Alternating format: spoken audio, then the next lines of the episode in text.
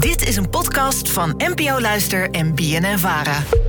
Hey luisteraar, vandaag een vraag van ons voor jou. Mocht je last minute nog de politiek in willen, hoe begin je eigenlijk een politieke partij? Alledaagse vragen.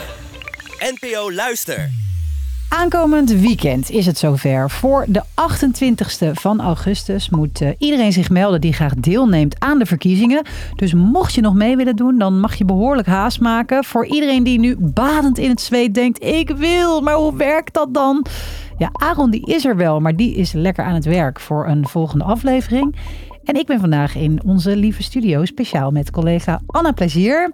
Uh, ze werkt onder andere als politiek redacteur bij de Nieuwsbv. Je kan haar ook kennen als presentator van het programma Vroeg op Radio 1. En ze weet alles over de Tweede Kamer. Ja, echt alles, Merel. Alles Alles. je erover moet Ja. nee, Oké, vooruit. Jij moet ook nog wel eens wat opzoeken. Ja, maar dat is, eh, ik weet er wel veel van. En het is ook heel leuk om nog dingen op te zoeken. Want het is ook leuk dat je nooit uitgeleerd bent, toch? Heb je zin in de komende tijd, Anna? Ja, nou, ja, ik, ik eh, vind het wel spannend. De hele verkiezingscampagne die eraan komt. Het wordt natuurlijk een beetje anders. Want er zijn eh, heel veel eh, nieuwe gezichten. Heel veel oude bekende gezichten gaan weg. Wie weet moet jij toch jezelf ook nog gaan aanmelden. Voordat we antwoord gaan geven op de vraag wat je moet doen om een politieke partij te beginnen. Misschien goed om sowieso even te duiden. Wanneer ben je nou eigenlijk een politieke partij? Ja, een politieke partij is dus een groep mensen die zich verenigt omdat ze iets belangrijk vinden of iets willen veranderen. Dat kan zijn dat je zegt wij zijn christenen en wij willen vanuit onze christelijke ideologie ja, eh, het beleid veranderen of iets anders doen. Of we hebben een visie voor het land. Dat kan ook vanuit een socialistische ideologie of een liberale ideologie. Het kan ook zijn dat je zegt wij zijn boeren, eh, zoals bij de boer-burgerbeweging. En wij willen onze beroepsgroep eigenlijk een betere stem geven in Den Haag. Maar eigenlijk is het wel in de kern een groep mensen die zegt: wij denken dat we met onze ideeën het land beter kunnen maken. En dat willen ze beter maken niet door vrijwilligerswerk, want zo kan je het ook doen, of een goed doel op te richten, of nou ja, op alle manieren die je kan bedenken. Nee, wij willen dat doen in de politiek. Dus door het beleid te veranderen. Ja, en je bent altijd een vereniging, hè? Ja, klopt. Nou, zei ik aan het begin dat je je kan aanmelden tot 28 augustus. Maar waar moet ik dan zijn? En vooral, waar moet ik allemaal aan voldoen voordat ik me ga melden? Laat ik vooropstellen, iedereen kan een partij beginnen in Nederland, politieke partij beginnen. Je moet wel op heel veel dingen letten en wat regeltjes volgen. Zo moet je eerst ja, de vereniging oprichten de- van de politieke partij. Je moet een naam bedenken voor de politieke partij. Die mag niet te veel lijken op eh, namen van bestaande politieke partijen. Je moet een partijprogramma schrijven. Mensen moeten natuurlijk weten waar ze voor stemmen als ze op jou stemmen. Maar dat mag ook een A4'tje zijn. Dat mag ook een A4'tje Oké. zijn. Je moet een eh, kandidatenlijst maken. Dus bedenken wie wil daarop, eh, wie kan dat enzovoort. Ehm, en je moet bewijzen dat mensen een beetje op je zitten te wachten. Dat doe je door kiezersondersteuningsverklaringen te laten ondertekenen. Ja, heel, hele mond vol. Voor de ja. landelijke verkiezingen heb je daar 580 van nodig. Nou ja, en eh, dan moet je ook nog een flinke som geld betalen. 11.250 euro. En dat verschilt dus ook een beetje per nou ja, verkiezing. En, en zijn er nou ook dingen die je als politieke partij, hè, als, je, hem- als je hem opricht, die je nou echt niet mag? Dus waar gewoon de deuren dicht gaan? Een politieke partij verbieden, dat kan eigenlijk alleen de rechter doen. Hmm. Op basis van bijvoorbeeld iets strafrechtelijks.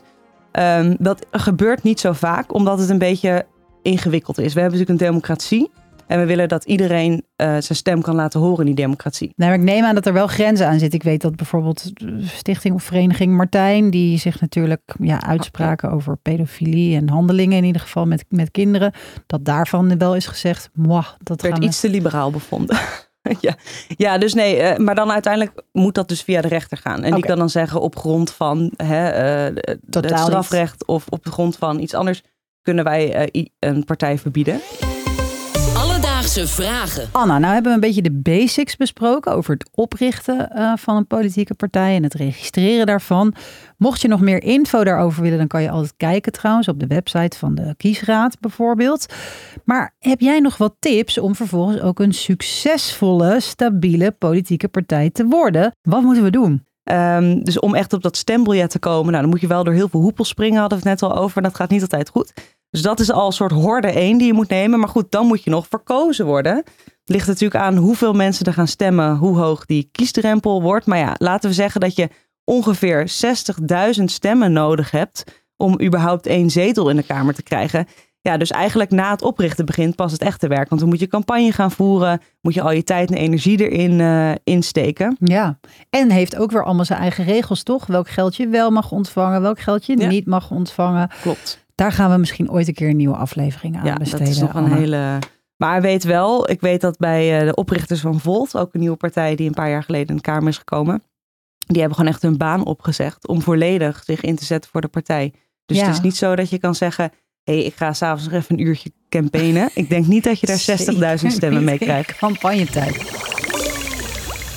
Dus Mocht je zelf een politieke partij willen oprichten, dan moet je er in ieder geval voor zorgen dat je wat geld op de bank hebt, dat je een vereniging bent, dat je kan aantonen dat er mensen zijn die daadwerkelijk op jou zouden willen stemmen door handtekeningen te verzamelen.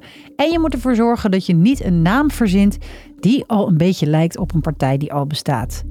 Er zijn nog meer regels waar je aan moet voldoen, maar die kan je opzoeken bij de website van de Kiesraad. Er zijn ook grenzen. Je mag in principe elke mening vertegenwoordigen in deze democratie. Maar de rechter kan er nog wel eens over beslissen dat jouw politieke partij toch echt niet deel mag gaan nemen aan een verkiezing. Heb je nou ook een vraag? Stuur dan een berichtje. Dat kan je doen uh, via Insta. En dan is het gewoon Alledaagse Vragen. Of je kan een mailtje sturen naar alledaagsvragen.bnnvara.nl en dan zoeken wij het voor je uit. Alledaagse Vragen. NPO Luister. BNN Vara.